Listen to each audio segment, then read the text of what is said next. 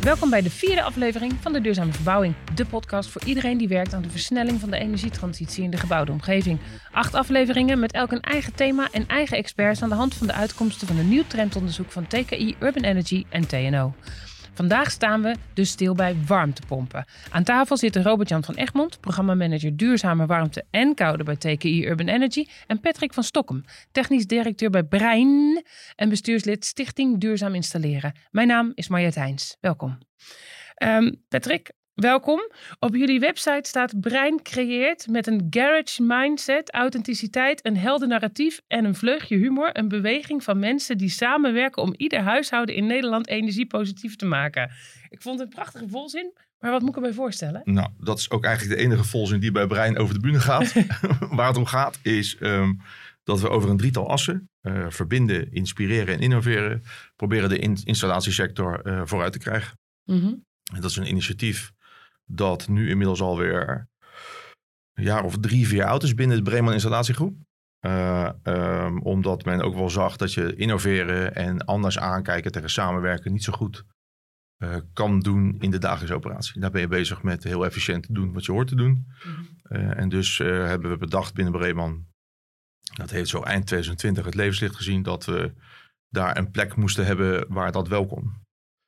Uh, dus in Zwolle hebben we een oud ketelhuis omgebouwd tot een uh, studio zoals deze. En, uh, en daar doen we van alles. Dus daar hebben we klanten over de vloer. daar doen we anders, samen met andere installateurs ontwikkelen we dingen. Daar doen we ook dingen voor de stichting, Team Duurzaam Installeren.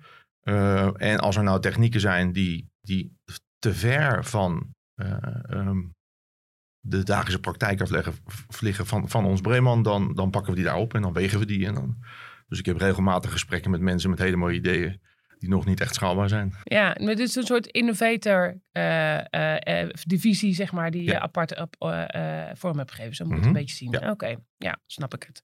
En de stichting Duurzaam Installeren? Ja, Want dat is je tweede pet? Ja, dat is de avondklus, of althans soms de avondklus.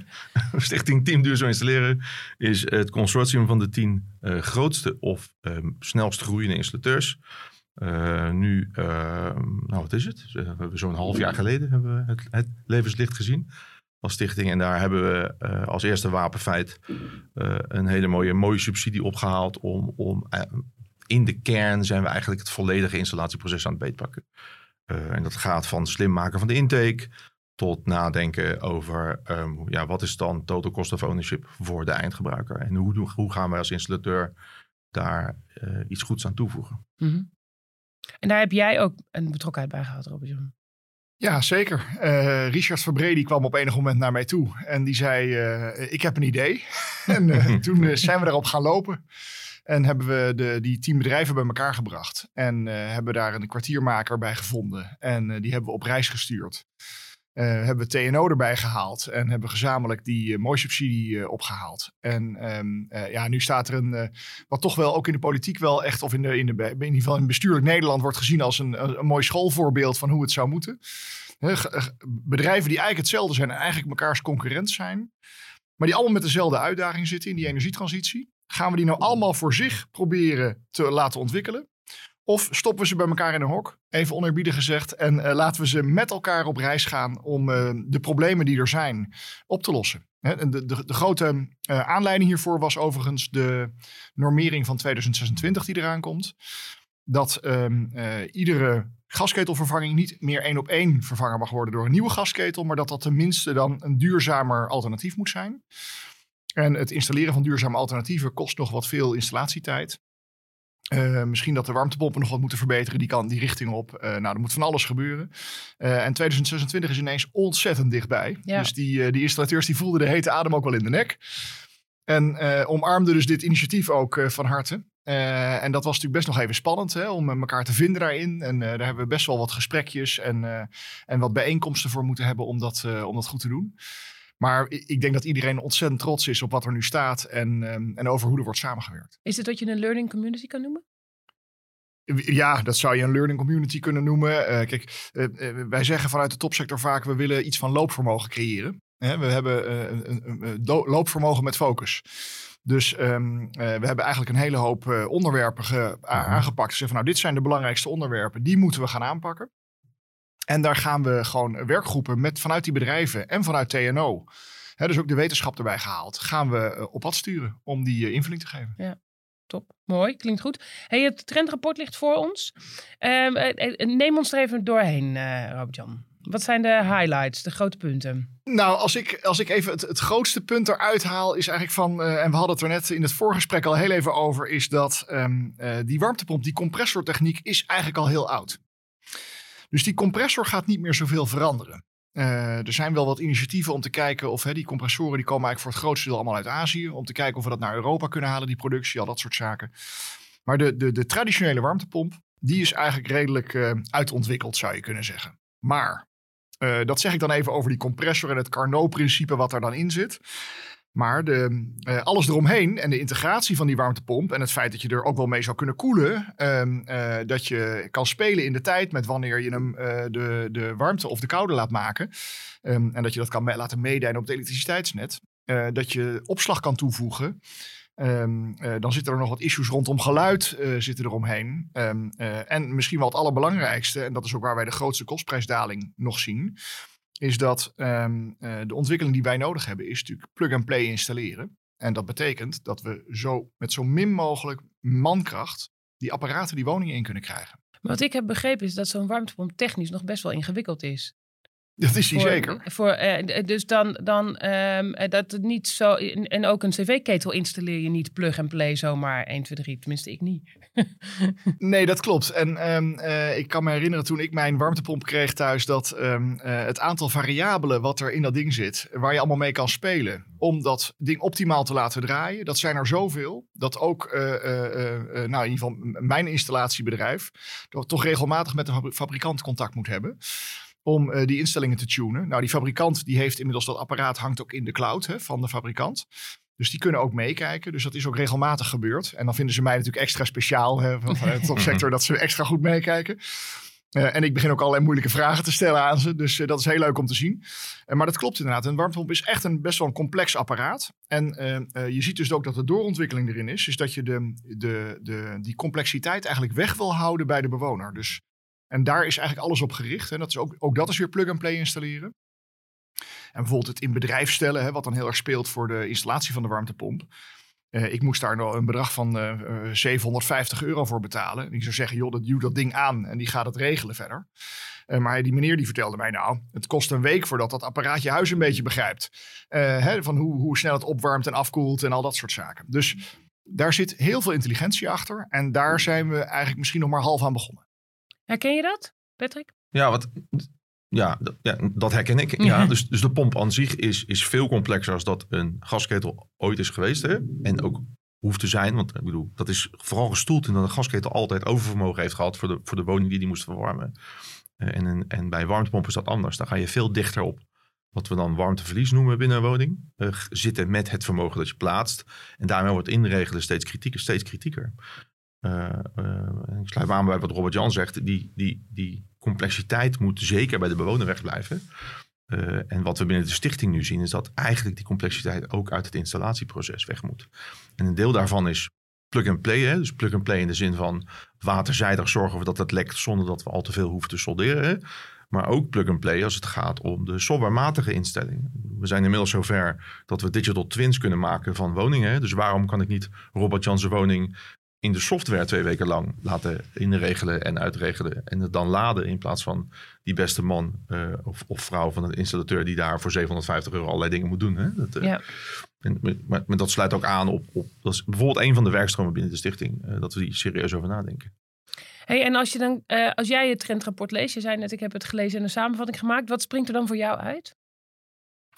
Ben je het overal mee eens? Uh, ik ben het zeker niet overal mee eens. Ik, uh, uh, en dat zit hem dan vooral in de zin dat installateurs te veel ruimte zouden houden in het, in het installatie. Dus er zit een passage in waarin daar eigenlijk naar wordt gehint. Installateurs die rekenen al die risico's in. en dat is niet, dat, dat in mijn, zoals ik het zie, is dat niet een beeld over de hele sector. Dus ik, ik, ik, ik heb een beetje rondgebeld en inderdaad, en dat heb je zeker bij de wat kleinere bedrijven. Hè? Uh, ja, ja die, die, het, is, het is nieuwe techniek. als ik drie medewerkers zou hebben, heb ik ook niet de tijd om, om er allemaal bij te blijven. Dus dan ga je van nature risico's incalculeren. Als ik kijk naar de leden van, van de stichting, dan, dan, is dat, dan is dat niet iets wat ik voorzie komen. Dat, het is duur, maar dat heeft simpelweg te maken met hoe lang je ermee bezig bent om het goed te integreren nog. Je steekt je vinger heel keurig op. Ja, ik, denk, ik, ik, ik, ik, ben het ermee eens, uh, Patrick. Kijk, weet je, de, uh, de, de, het, het, is ook een transitiefase denk ik, waar we nu in zitten. Hè? Dus wat je nu ziet is dat, uh, dan lees je artikelen in vakblad warmtepompen of zo. En dan staat daar dan in van, hè, dan hebben ze weer een, een jaren dertig huis, hebben ze all-electric gemaakt. Nou, hartstikke aaibaar project natuurlijk. En dan staat er wel, ja, de, de installateur is nog wel zeven keer terug moeten komen om het goed te krijgen. Ja? Nou, dat risico, daar snap ik van natuurlijk heel goed van. Dat in deze fase dat dat nog gewoon ingeprijsd moet worden. Dat heeft te maken dat we gewoon nog te weinig ervaring hebben. Dat we het nog niet goed genoeg van tevoren snappen hoe we het moeten instellen, et cetera. Uh, uh, maar dat is een, een, fase in de transitie, denk ik. En dus ook iets wat we moeten oplossen. En vandaar ook team duurzaam installeren. Dat we zeggen, joh, we moeten eigenlijk gewoon dat, dat proces met elkaar in. En standaardiseren. En nog beter weten wat we wel en niet moeten doen. Hoe we het moeten doen. Um, uh, mijn installateur trouwens is nooit meer terug geweest na die installatie.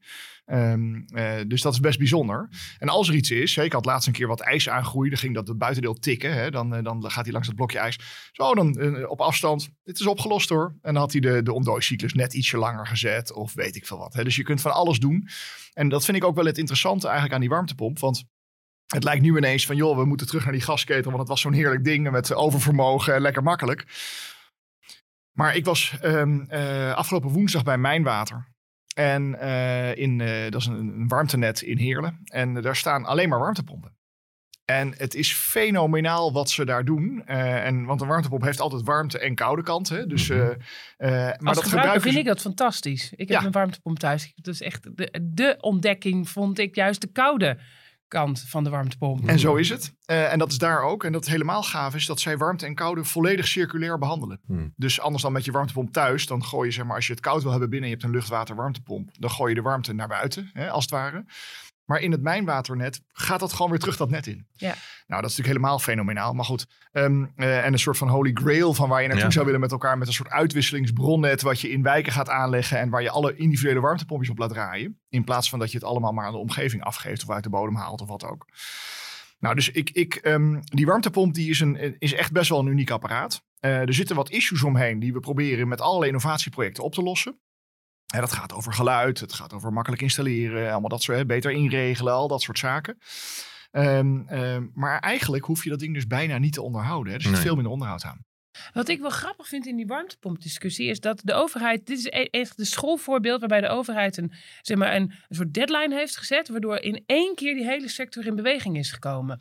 Um, um, en ik, ja, ik, ik, kijk ernaar en ik vind dat eigenlijk wel een mooie ontwikkeling, maar ik snap dat je daar als sector misschien ook wel heel zenuwachtig van wordt, want er moet ineens een heleboel op hele korte termijn. Um, nou, nou de, kijk, toen Rob Jette, uh, uh, volgens mij was het iets van een jaar geleden, ik weet het niet zeker, zei uh, het moeten er 500 per dag extra zijn. En ik weet niet of ik het mag zeggen, maar toen bedoelde hij eigenlijk 1500. ja. zijn we wel even gaan nadenken. En dat is ook, dat is niet de directe, maar een van de aanleidingen waarom we, waarom we, en dat is wat bijzonder is aan de stichting ook, waarom we met tien bedrijven die eigenlijk als je vijf jaar geleden terugkijkt, vijf, vijf jaar terugkijkt, waren die bezig met elkaar uit de markt concurreren. Hè? Ja. Want het was ook niet een hele, zeker in de woningcorporatiemarkt was dat best strak op prijs. Uh, en misschien nu nog steeds wel zo. Hè? Ja, die, staan nu, die zijn naast elkaar gestaan. Die hebben zich georganiseerd. Die hebben gezegd, maar dit moeten wij samen oplossen. Want, en, en, dat is, en dat is wat ik niet begrijp aan. Want soms heb je de discussie uh, uh, ja, die grote bedrijven die pakken alles. Als je een bierveeltje pakt en je telt op wat er moet gebeuren in de komende paar jaar. Om dit voor elkaar te krijgen. En je zet alle installateurs, iedereen die een steeksleutel kan beethouden. Zet je naast elkaar, dan hebben we er simpelweg niet genoeg. Ja. En als ik je dan zeg dat er van wat er nu allemaal een steeksleutel beet kan houden. Ook nog eens een keer heel veel met vervroegd pensioen mogen dadelijk. Als het al vervroegd pensioen heet. Hè, want ik denk dat het gewoon pensioen wordt.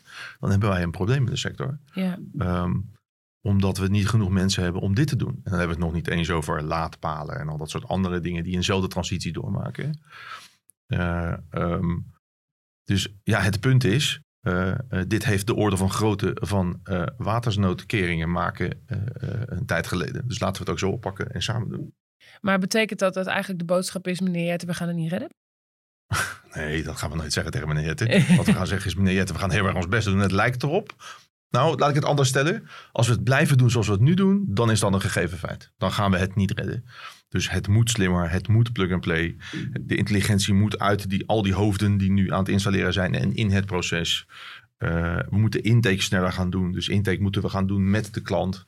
In plaats van iemand, zoals we dat traditioneel deed, lang sturen en voor de klant iets laten doen. Ja, want ik was laatst bij mijn, bij mijn zwager en die had een cv-ketel die hij nooit had onderhouden. Dus daar kwam een monteur bij en die lachte zich helemaal dood om hoe die cv-ketel er na tien jaar uitzag. Toen zei ik, moet hij niet over naar de warmtepomp? Hij zegt, wij mogen onze leverancier van warmtepomp pas volgend jaar weer bellen voor offertes. Ja, dat, dat, Toen dacht ik zo, oké, nou dat gaat goed. nou ja, dat, dat is een beetje, uh, uh, dat is heel tweeledig. Hè? Dus dat is, dat is wat nu heel erg visueel is in de markt. Hè? Als ja. je nu een warmtepomp bestelt, dan klopt dat. Dan heb je over een jaar, het ligt een beetje wat de hybride of elektrisch is. Maar uh, dan, tussen de negen maanden en een jaar komt er iemand bij langs om dat ding te plaatsen. Dat is een materiaalprobleem. Dat heeft niet zozeer te maken met, denk ik, met de capaciteit van de fabrikanten. Want ze kunnen het wel. En ze zijn ook in hetzelfde gesprek of in hunzelfde gesprek met de ministeries ook aan het opschalen echt productiecapaciteit aan het maken. Want het heeft er alles mee te maken dat, dat de chips die die dingen aansturen gewoon niet te krijgen zijn. Want die moeten overal in, zeg maar. Hè? Ja. Hetzelfde soort chipje. Uh, um, um, en, als ik heel eerlijk ben naar mezelf en naar de sector, is dat ook wat een beetje maskeert wat er nu aan de hand is met niet genoeg mensen hebben. Hè? Dus, want als dat weg zou vallen, ja, dan, dan zou dat vol te maken hebben met we hebben niet genoeg mensen die een steeksleutel beter houden. Hè? Ja, ja oké. Okay. Hoe kijk jij daarnaar?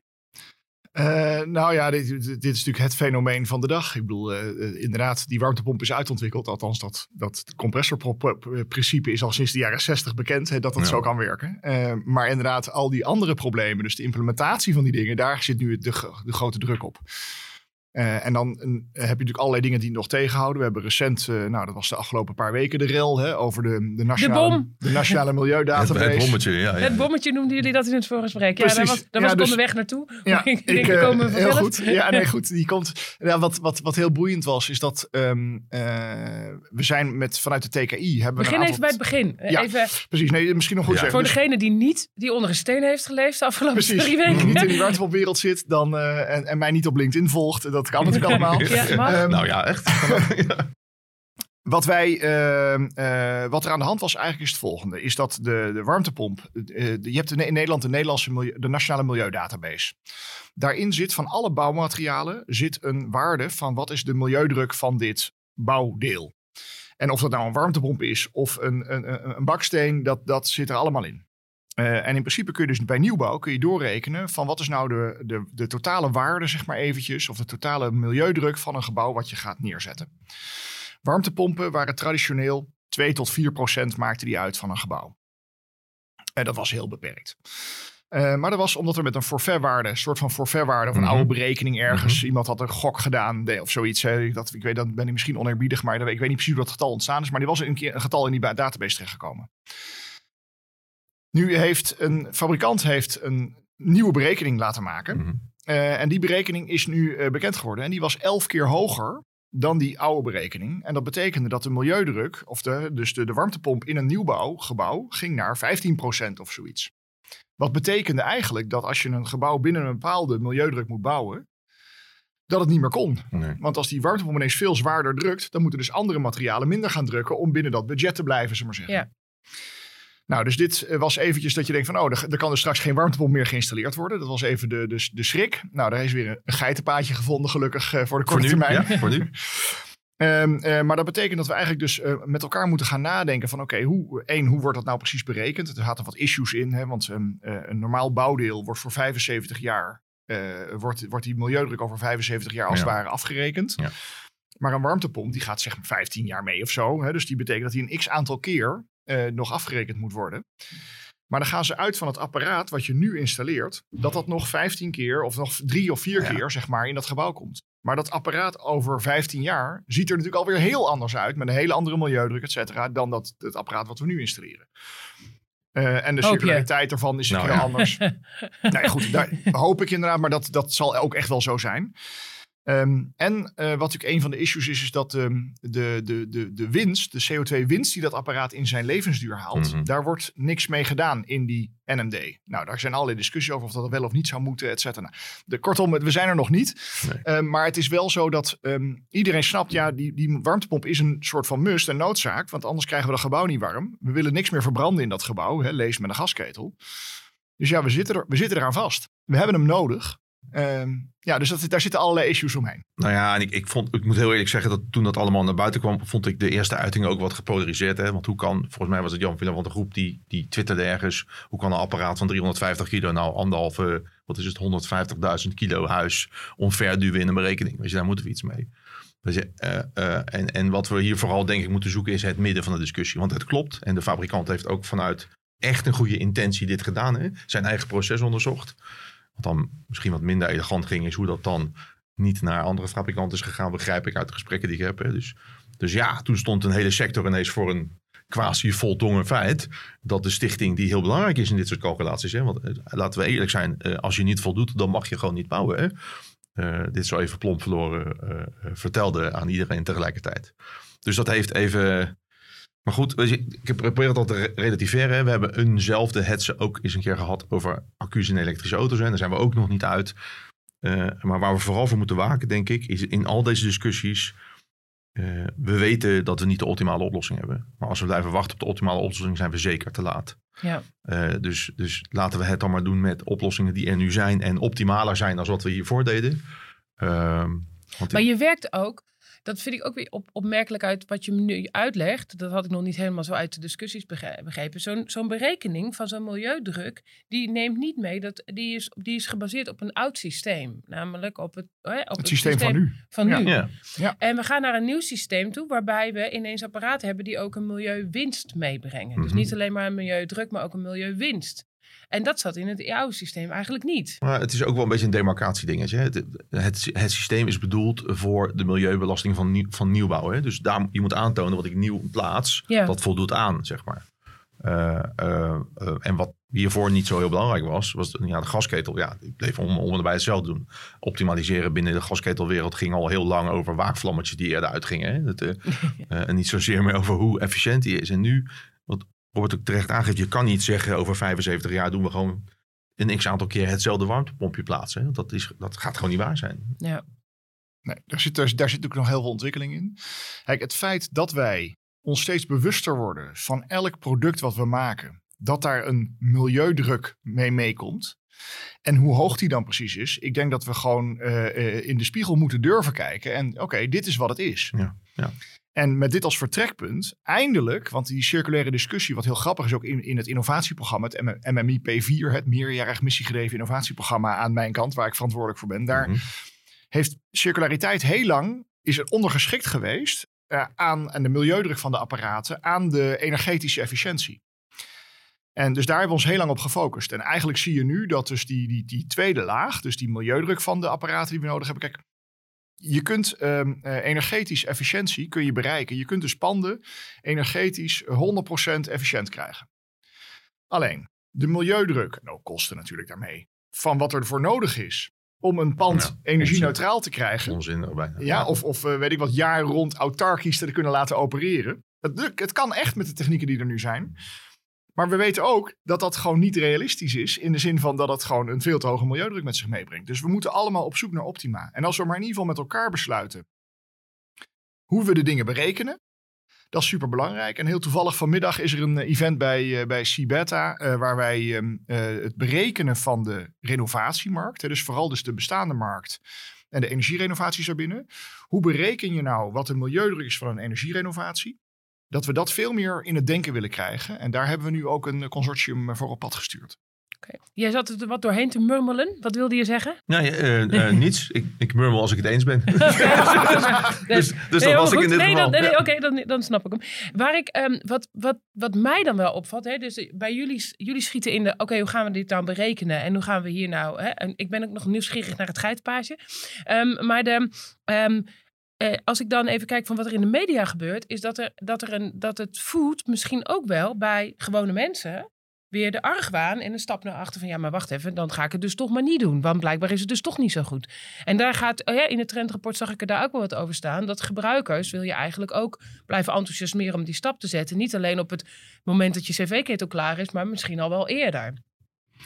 Ja, nou, nou, om even bij die, bij die eindgebruiker even te beginnen. Kijk, de, die eindgebruiker die, die is gewend. En eigenlijk, ik vond het heel mooi dat je net al zei, hè, dat koude en het leveren van koude. Dat, dat, dat een, kijk, wat ik in het begin zei toen ik bij de TKI kwam, dat ik dacht van oké, die warmtepomp, hartstikke interessant apparaat. Ik had er zelf thuis een geïnstalleerd en ik snapte dat ehm, eh, eh, ik, qua verwarmen ga ik in comfort een beetje achteruit. In de zin van die warmtepomp is, het, het, althans ik moet niet achteruit, ik moest eraan wennen. Het is een heel andere Hij vorm van warmte. op een hele andere Ja. manier. Ja, Ehm, eh, maar ik kreeg er koude bij. ja. Dus ehm, eh, wat, ik, wat ik interessant vond is van oké, en, en, en ik zag allemaal mensen airco's installeren, zeker in coronatijd en zo. En ik dacht van oké, ehm, en dan gaan mensen airco's installeren, maar laten ze hun gasketel hangen. Ik dacht van als je nou eens gewoon in plaats van dat je nu twee apparaten hebt, dat we naar één apparaat gaan.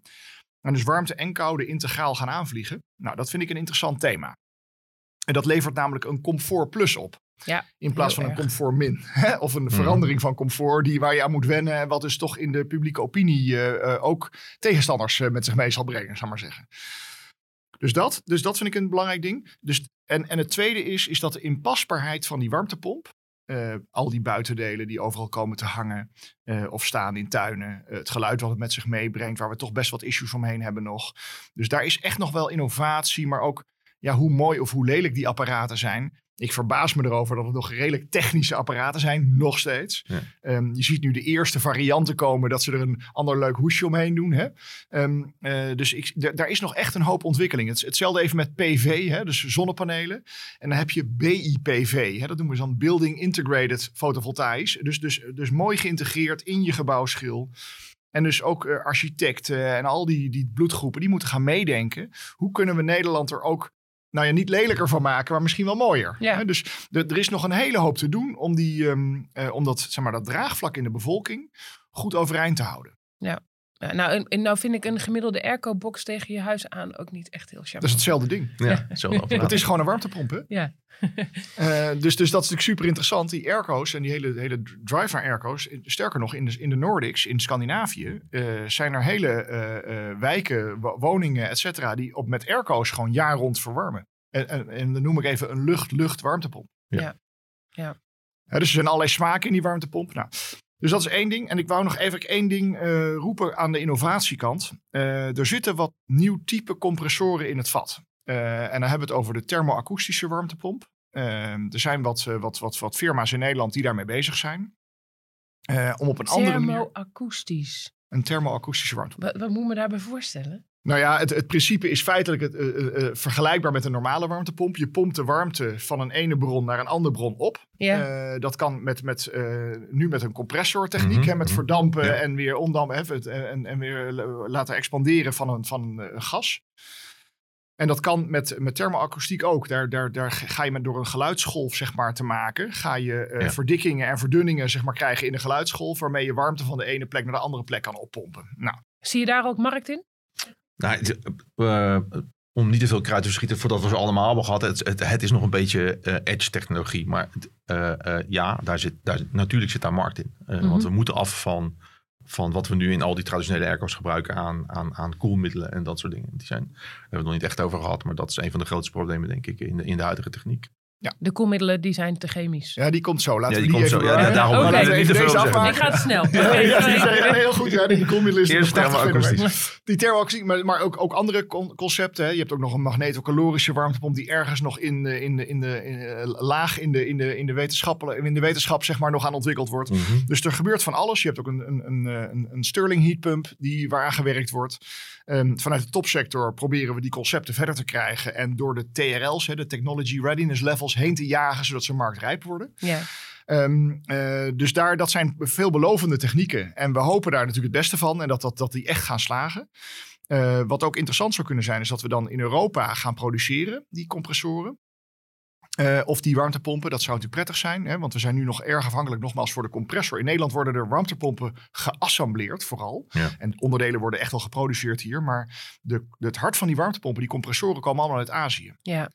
En ons dilemma is natuurlijk, is dat je wilt eigenlijk zeg maar, de, uh, uh, zoveel mogelijk onafhankelijk worden van andere regio's in de wereld. daar mag je wel een beetje van afhankelijk zijn, maar in ieder geval niet te veel. En die onafhankelijkheid, daar wordt nu ook aan gewerkt. Ja. Zijn we aan het onderzoeken of we daar iets kunnen betekenen. Nou, dan even het fenomeen van de. Dus kortom, deze technieken komen eraan. Ja. Die zitten in de pijplijn en wij proberen die markt rijp te maken. En dat zijn dan zeg maar de warmtepompen die je gaat installeren in de loop van die 15 jaar. Van die 75 jaar. bedoel ik. Exact. Ja, ja, precies. exact. En daar zit natuurlijk een enorm voordeel in. Die, hebben die, die compressoren maken minder geluid. Weet je wel, daar zitten, hebben dus andere koelmiddelen. Mm Daar gaan we zo nog even over praten. Nou, zo hè. Dus dat is heel interessant. Um, uh, dan even het koelmiddel. We hebben daar een rapport voor laten opstellen van wat, wat zijn het nou eigenlijk? Uh, waar hebben we het nou eigenlijk over? Um, en eigenlijk moet je, kun je in de koelmiddelenwereld kun je twee dingen onderscheiden. Je hebt een, uh, de synthetische koelmiddelen en de natuurlijke koude middelen. Of koel- of koude middelen. Um, en het verschil is eigenlijk dat alles wat synthetisch is, is gemaakt in een fabriek. Mhm. Dat zijn stofjes, uh, uh, meestal fluor gebaseerd. Hè? Dus dat betekent dat, is, uh, dat zijn allemaal stoffen die we liever niet in het milieu willen hebben. En die een hele hoge, wat we noemen GWP hebben, een Global Warming Potential. Ja. Nou, toen ik mijn warmtepomp installeerde, snapte ik daar nog niks van. En ik kan niemand kwalijk nemen dat ze het ook niet begrijpen. Nee, nee, nee. maar het koude middel wat in mijn warmtepomp zit, is boven de 2000 uh, GWP. Dus dat betekent dat dat, 2000, dat dat gas is 2000 keer sterkere uh, probleem voor het milieu dan CO2. Het is 2000 keer sterker qua, dan CO2. Um, er wordt nu gewerkt aan allemaal type warmtepompen. En eigenlijk de, de, de trend is, en zeker bij de Nederlandse fabrikanten, is dat ze omgaan en eigenlijk alle warmtepompen ombouwen naar natuurlijke koude middelen. -hmm. Dat is nog geen verplichting, maar er zijn wel in de, op Europees niveau afbouwpaden verzonnen. Die gaan overigens niet over het verschil tussen synthetisch en natuurlijke koude middelen. Die gaan over dat GWP-niveau. Dus dat GWP-niveau dat moet, moet teruggebracht worden uiteindelijk naar een, een level van 150. Maar je ziet nu heel veel uh, propaanwarmtepompen op de markt komen. En propaan is gewoon een stof. Hè? Dat is een natuurlijk koude middel. Die kun je gewoon in de natuur vinden. Uh, en dat heeft geloof ik maar een GWP van 4 of zo of 6. Mhm. Mm -hmm. Nou, ergens daar in die orde grootte. Dus dat is heel laag. Dus, um, en dat wil je eigenlijk. En dat levert ook, uh, uh, omdat het gewoon in grotere hoeveelheden beschikbaar is, is het ook gewoon veel makkelijker. Hè? Dus um, nu zijn er heel veel fabrikanten die hebben ook een grote chemische fabriek die die koude middelen maakt. En daar verdienen ze ook veel geld aan. Dus de lobby van die partijen is behoorlijk sterk. Uh, en eigenlijk zie je dat, uh, en dat blijkt ook uit het rapport wat wij hebben laten opleveren, is dat bijna alle warmtepompconcepten kun je eigenlijk ook met natuurlijke koude middelen drijven. En um, ja, je moet er wat voor ombouwen. En misschien dat er in, initieel wat, wat meer kosten zijn en wat ontwikkelkosten in zitten. Maar we merken een beetje dat dat wel toch echt wel de weg voorwaarts gaat zijn. Herken je het? Uh, ja, dus voor nu, uh, wat je nu ziet in de markt is dat het voornamelijk monoblokoplossingen zijn. Hè? Dus de hele warmtepomp is buiten de woning. Ja. Uh, als het om natuurgassen gaat. en dat heeft vooral met wetgeving te maken. Dus je mag maar, volgens mij mag je 150 gram propaan in huis hebben. en om dit goed te kunnen doen met, met dan dus split level, dus de wat meer traditionele airco-achtige oplossingen, als Ja. ik het zo mag noemen. Ja, heb je iets van een kilo nodig of zo. Dus het is ook het is een stukje wet, wetgeving in Nederland dat we dus niet die ontwikkeling kunnen maken, denk ik, die, die we willen maken.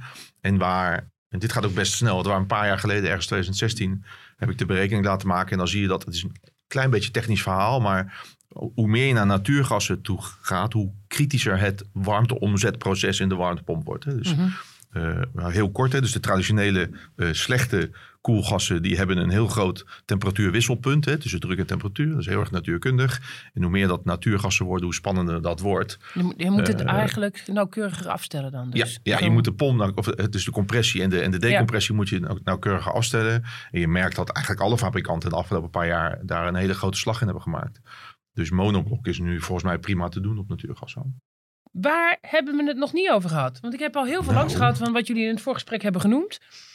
Ehm, eh, we hebben het bommetje gehad. We hebben het gehad over de nieuwe warmtepompconcepten. Over eh, het uitontwikkelen en toch niet uitontwikkelen van. Kostprijsdaling is langskomen. Nou, misschien moeten we het nog even hebben over um, uh, predictive maintenance. Ja, dat is een mooi dat is een fenomenaal uh, iets eigenlijk. Kijk, al die apparaten worden smart. Ik, ik denk dat er nog twee onderwerpen zijn. Dus predictive maintenance. En het tweede onderwerp wat we nog even moeten raken, denk ik, is, ehm, is uh, de, de druk op het elektriciteitsnet. Ja.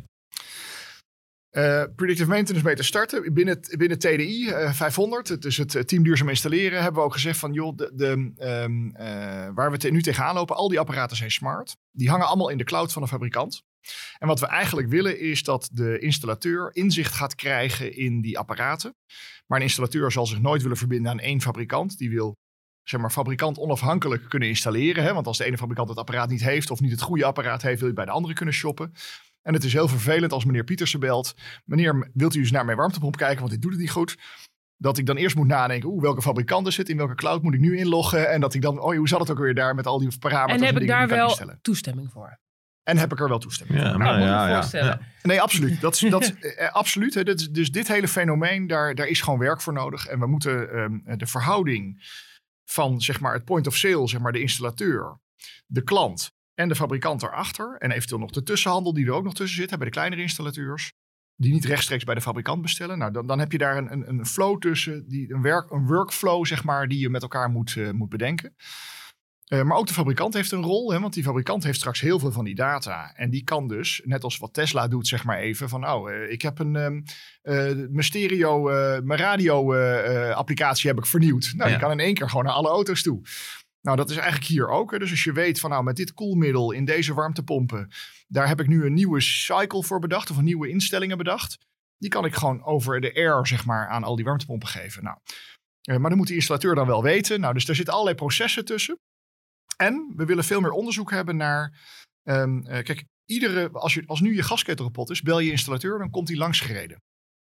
En dan komt hij kijken, wat is er aan de hand? En dat is allemaal reactief eigenlijk, als het probleem al is opgetreden. En wat we eigenlijk zien is dat ehm, eh, als je nou straks al die data hebt, op een gegeven moment gaat er iets stuk.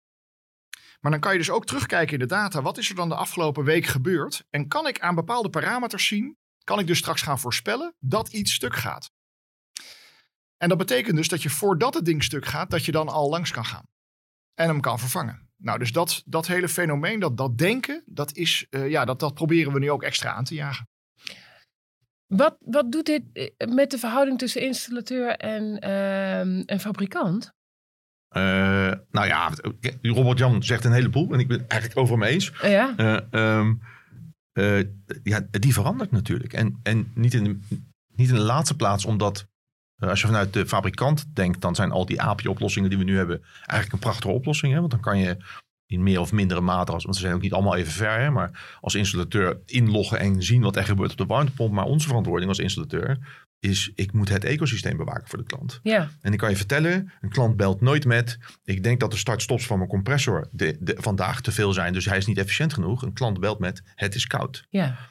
Eh, en Of ik nu- heb geen waterdruk. of, ja, of, of, is, of En als die helemaal spannend wordt, dan doet het het allebei voor de helft. Hè? Ja. Dus dan heb je het lauw en je hebt blauw water. Nou, eh, eh, en, en dat... en, en dat kan, hè. Dus ik heb jaren geleden heb ik ooit eens een keer een presentatie gehad van een Japanse aircofabrikant. En die belde klanten op. maanden voordat iets kapot ging. En zei joh, over drie maanden denken we dat je airco kapot gaat. Kunnen we over twee maanden eens een onderhoudsbeurt komen doen. Nou, dat is uiteindelijk wat we zo graag willen als installateur. Eh, dus van die storing die voor iedereen vervelend is. Want dat gebeurt nooit op een zomerdag, hè, dat je kachel niet doet. Nee, eh, naar een kans, een, kan, een kans om die klant te helpen te gaan. Maar er zit zoveel tussen. eh, dat we nu vanuit de stichting ook, maar ook binnen Breeman hebben we nu. dat project noemen we Bram. Want ja, als we binnen Breeman een project hebben, staat er een Bre of een B voor. En dat staat voor Breeman Remote. Asset Management. Ja. Zo kunnen we het zelf een beetje bijhouden ook. We zijn actief bezig met kijken, moeten we niet een ecosysteemachtige remote asset management oplossing maken. hè, Waar we kunnen kijken naar, naar het systeem. Dus niet alleen de warmtepomp, maar ook de luchtbehandeling. Ook eh, nou ja, binnenklimaat is aan het veranderen van het is warm genoeg. Naar eh, hoeveel, eh, hoeveel van die vervelende stofjes heb ik in mijn huis. Hoe moe word ik van dat mijn raam niet open is geweest vandaag. Dus klanten willen ook steeds meer zien. We zijn actief aan het kijken of we daar niet zelf een ecosysteem voor kunnen maken. En dat doen we ook samen. Hè? Dus dat is het mooie aan de stichting weer. Eh, dus we hebben ook al wat gesprekken gehad met bijvoorbeeld een Chemkuns. Waarin we samen proberen op te trekken om te kijken van... Goh, fabrikant, en dat is actieve gesprekken met fabrikant ook. Hè? Eh, goh, fabrikant, wat kan jij nu en hoe past dat in wat wij willen? Dus die verhouding, om even daar antwoord op te geven, die is aan het shiften. Ja. Want tot nu toe was het altijd, fabrikant heeft een mooie oplossing en daar kan je op inloggen. En nu denk ik dat het gaat worden de komende paar jaar. Eh, installateur bouwt een ecosysteem waar fabrikanten, eh, of althans samen met fabrikanten, maar waar we dus samen dat soort dingen gaan doen Ja, maar- voor die eindgebruiker. Want even naar mijn situatie. Ik heb een warmtepomp met een, met een waterdrukprobleem op dit moment. Ja. Dus ik heb echt zo'n klein, heel klein straaltje die uit mijn, water, eh, uit mijn douche komt. Waarbij ik nauwelijks met mijn lange haren mijn haren kan wassen. Ja. En ik heb in- inmiddels al vier keer een installateur over de vloer gehad. Want de een is van dit en de andere is van dat. En ze wijzen allemaal naar elkaar. En dan denk ik, dit kan echt efficiënter, jongens. Hier moet iets anders in kunnen. Ik, dus ik vind het raar dat als, als alles heel slim is. Waarom kan je dan niet eens even aan de achterkant kijken van waar zit het probleem en hoe kunnen we het oplossen? De, eh, eh, in plaats van dat er vier keer een mannetje langs moet komen en mijn probleem niet is opgelost. Dan denk ik, de, ah, met, met al die arbeidsproblemen eh, doen we hier iets niet goed. Ja, eens. En wat daar de grote drijvende factor achter dat probleem, achter dat straaltje, is dat slimmigheid stopt bij jouw voortdurendrempel. Ja, En, en die bewegingen, dus die last mile tussen mensen die bij al die installateurs aan de telefoon zitten of storingen aannemen of jou op, op, op zondagmiddag te woord staan. En, en die intelligentie in huis, daar zit niets tussen. Dus elke keer weer, en daar zit de grote slag, denk ik, eh, als we van installatie naar, naar een soort van total cost of ownership verhaal gaan. Hè? Eh, eh, die intelligentie die moet over jouw voortdurendrempel op heen. heen. Ja, Ja, naar die, ja, nou ja, goed, naar die behandeld installateur. oké. Ja, je wilt eigenlijk gewoon eh, het, het aantal rijbewegingen gewoon beperken. Ja, dat is natuurlijk. gewoon puur, dat is gewoon allemaal arbeidstijd die we veel nuttiger kunnen gebruiken. Ja, het is doodzonde dat die jongens bij mij Maar dat is, dat is ook voor zo'n branche is dat natuurlijk echt een shift. Want Ja. ehm, ze waren helemaal gericht op onderhoud. Ja. Dus ritjes maken, voorrijkosten rekenen. Dat is, dat is helemaal in het systeem. Moet je je voorstellen als dat, als dat anders moet. Dat, sorry, nee. Ik heb straks een callcenter. Die zeg maar over de air het meeste kan oplossen. of aanziet komen of wat ook. Hè. Ja, Eh, en daarnaast heb ik een team die heel efficiënt echte dingen gaat doen. het als is een beetje als wat er in de ICT-wereld is gebeurd. Hè? Als je nu een ICT de helpdesk belt, dan nemen ze even je computer over. En dan lossen ze het probleem op. En Oh, ja, vroeger ja. stond er een mannetje naast je. Ja. En eh, die moest dan een ander mannetje halen. En dan, eh, nou, eh, eh, eh, daar doet het me een beetje aan denken waar jullie het nu over hebben. Nou, precies dit. Dus, dus eh, eh, zoals we zeiden, ja, die warmtepomp is uitontwikkeld. Ja, de compressor.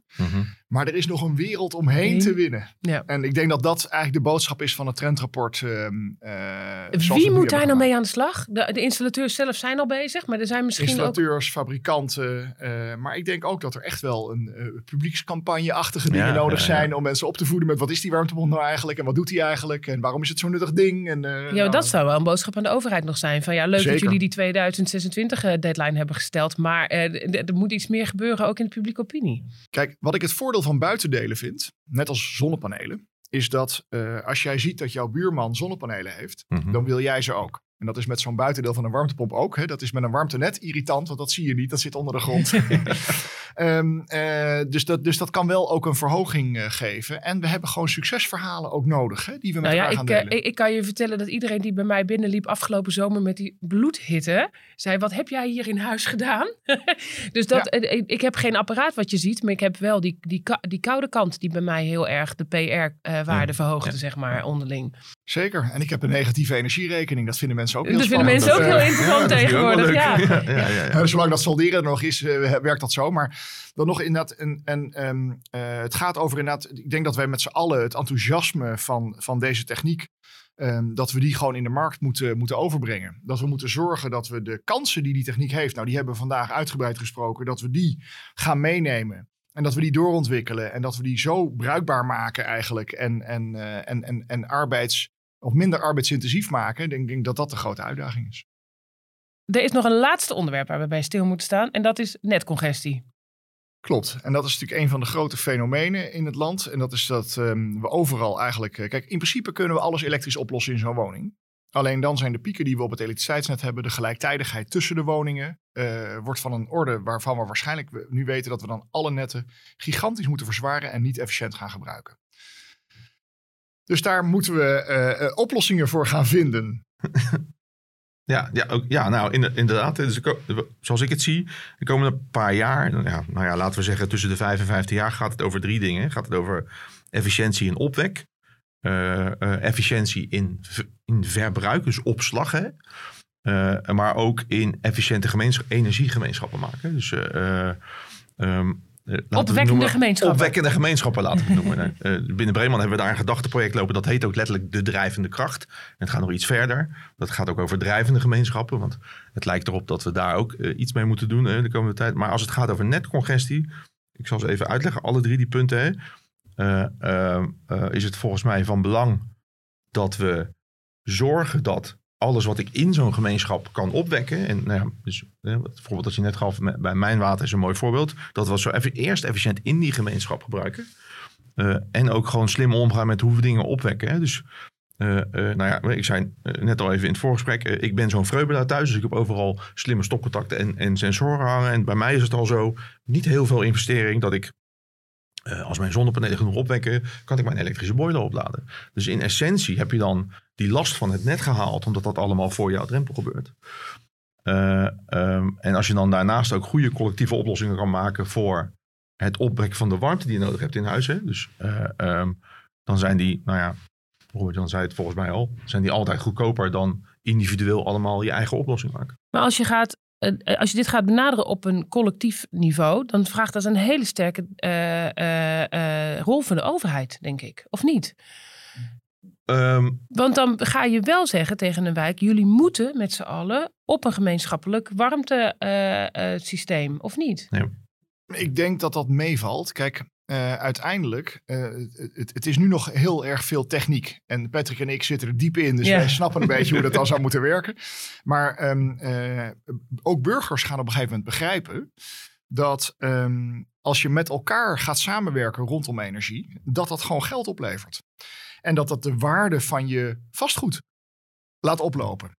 Um, uh, en ik, ik, ik, ik, ik oefen graag in mijn vrije tijd. Um, dus ik ben wat aan het oefenen bij wat, uh, wat VVE's en dingen waar, waar mijn ouders bijvoorbeeld wonen. Um, en dan ben ik ook aan het nadenken over van oké, wat zouden nou de, de rationale zijn voor al die, nou ja, wat oudere mensen in dat pand? Hoe gaan we die nou mee op reis nemen? En hoe gaan we die tot het inzicht brengen dat dit gaat opleveren? Hè, waar we het er straks even over hadden uh, in het voorgesprek ook, is van iedereen weet, als we heel veel zon en wind in het systeem hebben. Nou, mensen die zonnepanelen hebben weten het. Overdag schijnt de zon, heb je de stroom, s'nachts dus niet. Hoe interessant zou het dan kunnen zijn als je in combinatie met je warmtepomp en een buffer. En of je dat dan met elkaar is dat dan nog weer goedkoper hè, als je met z'n allen dat gaat bufferen. Um, dat je overdag de warmte maakt, die je dan s'nachts uh, kan gebruiken om je huis op temperatuur te houden. Ja. Dus, uh, en dat is voor het elektriciteitsnet een zegen. Uh, want anders kun je je voorstellen als overdag de zon schijnt. Die gebruik ik niet, die gooi ik op het net. En s'nachts uh, gaat mijn warmtepomp staan draaien omdat het te koud wordt in huis. Ga ik de elektriciteit van het net afhalen. En grote kans, als het niet zo hard waait, dat dat dan met een gascentrale gemaakt moet worden. Hè? Of een, fossiele centrale. Dus uh, wij kunnen vanuit woningen kunnen we een enorme slag maken om te helpen in het uh, dempen van het elektriciteitsnet. Maar ook de, hoe groen de elektriciteit is die we gebruiken met z'n allen, om die veel groener te krijgen. Heel goed. Nou, dan um, uh, ronden wij hierbij af. Dit was aflevering 4 van de Trendpodcast De Duurzame Verbouwing. Wil je meer weten over deze trend? Op de website tki-urbanenergy.nl vind je het volledige trendrapport en de samenvattingen van de deelrapporten. Of kijk in de show notes voor de directe link. Volgende keer gaan we praten over afgifte, tapwater en ventilatiesystemen. Dankjewel voor het luisteren.